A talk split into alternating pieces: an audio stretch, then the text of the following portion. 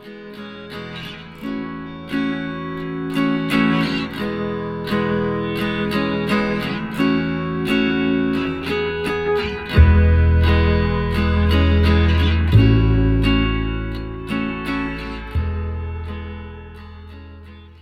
bij de podcast Natural Skills. Ik ben Janine Schimmelpenning en in deze podcast ga ik in op de betekenis van vertrouwen. Vertrouwen speelt altijd en overal wel een rol. En tegelijkertijd lijken we steeds minder vertrouwd te zijn met vertrouwen, waardoor we de waarde ervan op de een of andere manier niet ten volle kunnen ervaren. Leven in een tijd waarin de ene vertrouwenscrisis de ander lijkt op te volgen. Dat zien we op zowel micro- als macroniveau gebeuren, variërend van een gebrek aan vertrouwen in onszelf tot diep wantrouwen naar de politiek, naar de medische wetenschap, naar de wetenschap in het algemeen, het establishment en dat soort zaken. Kortom, ons vertrouwen verkeert in een kritieke toestand. Alle reden om er kritisch naar te kijken, waarbij ik in zal gaan op de vijf belangrijkste aspecten van vertrouwen. Ten eerste, vertrouwen is iets heel gewoons, in de zin dat we niet zonder kunnen en dat het iets is dat altijd wel ergens een rol speelt. Ik bedoel, zonder het door te hebben, ervaren we al heel veel vertrouwen en geven we al heel veel vertrouwen.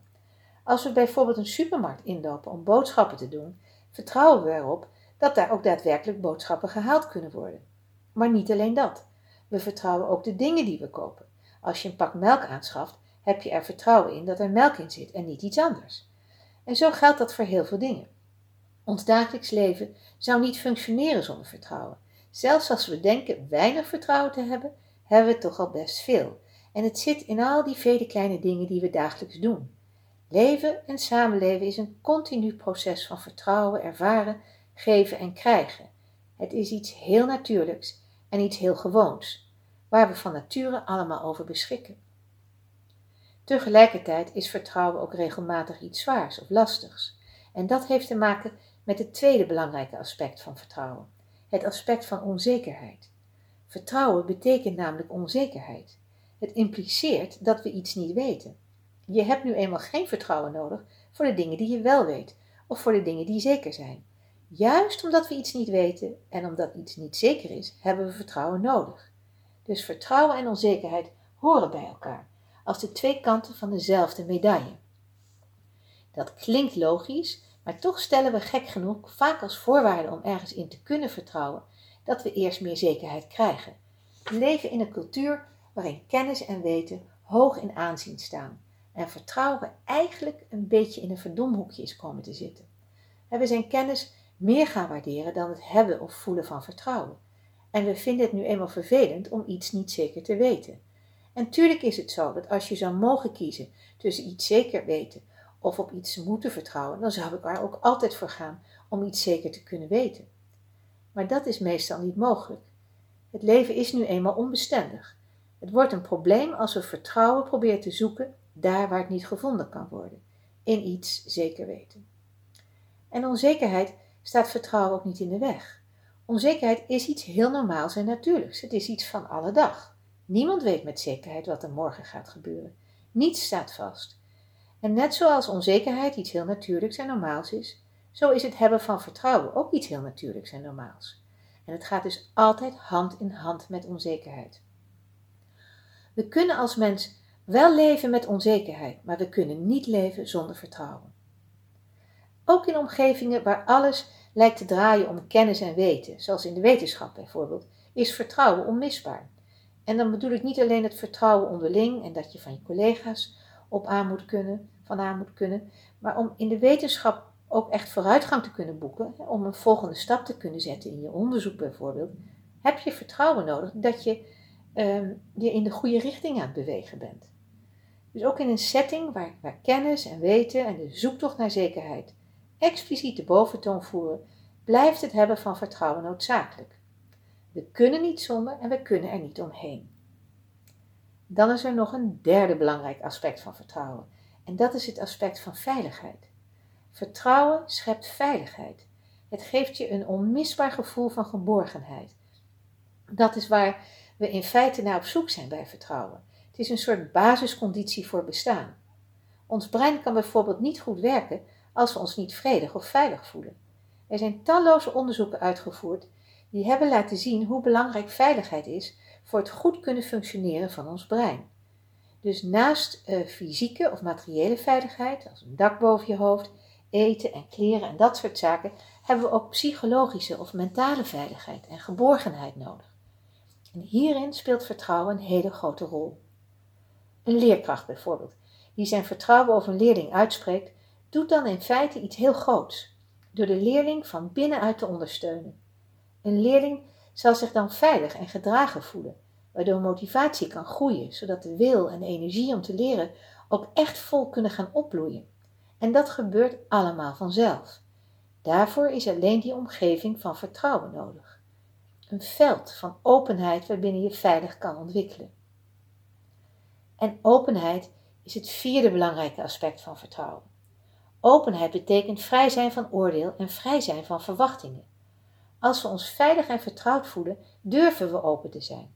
En als we open durven te zijn, durven we ons kwetsbaar op te stellen. Omdat kwetsbaarheid in openheid overgaat in iets heel verfijns, namelijk sensitiviteit. En alleen met de openheid van vertrouwen kunnen we onze sensitiviteit waarborgen, zonder daarbij gekwetst te worden. Sensitiviteit is iets heel waardevols, wat zeer de moeite waard is om open voor te zijn. En vertrouwen maakt dat mogelijk. Het maakt het leven zoveel rijker. En dat brengt ons bij het vijfde belangrijke aspect van vertrouwen: de levenskracht of de levensenergie die het geeft. Want vertrouwen is de energie waarmee we de dingen doen. Het zorgt ervoor dat we ons fit, goed, gezond, krachtig kunnen voelen. En op het moment dat we vertrouwen geven, voelen we ons vanzelf goed en sterk. En dat heeft te maken met het feit dat je psychologisch, dus mentaal, altijd ervaart wat je zelf doet. Dit kun je heel eenvoudig voor jezelf ontdekken. Denk bijvoorbeeld een minuut heel positief over iets en dan zul je merken dat je je vanzelf positiever gaat voelen. En natuurlijk vice versa. Denk een minuut negatief en je zal merken dat je je vanzelf naar gaat voelen.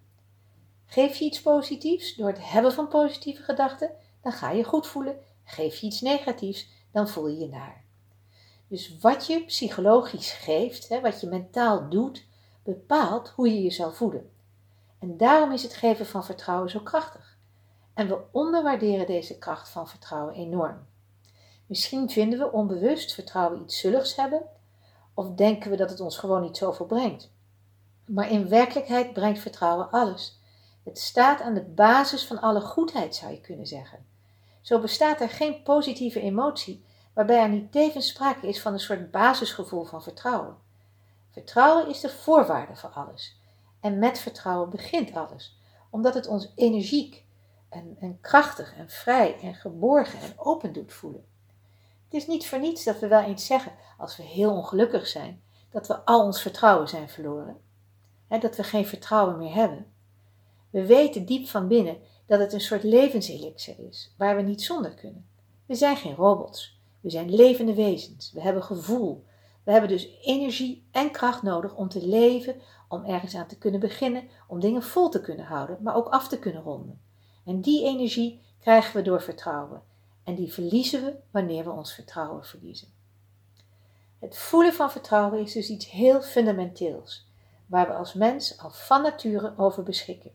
En het komt vanzelf omhoog zodra we de hang naar zekerheid of de voorwaarden van zekerheid laten vallen zoals een kurk onder water naar boven schiet zodra je de kurk loslaat.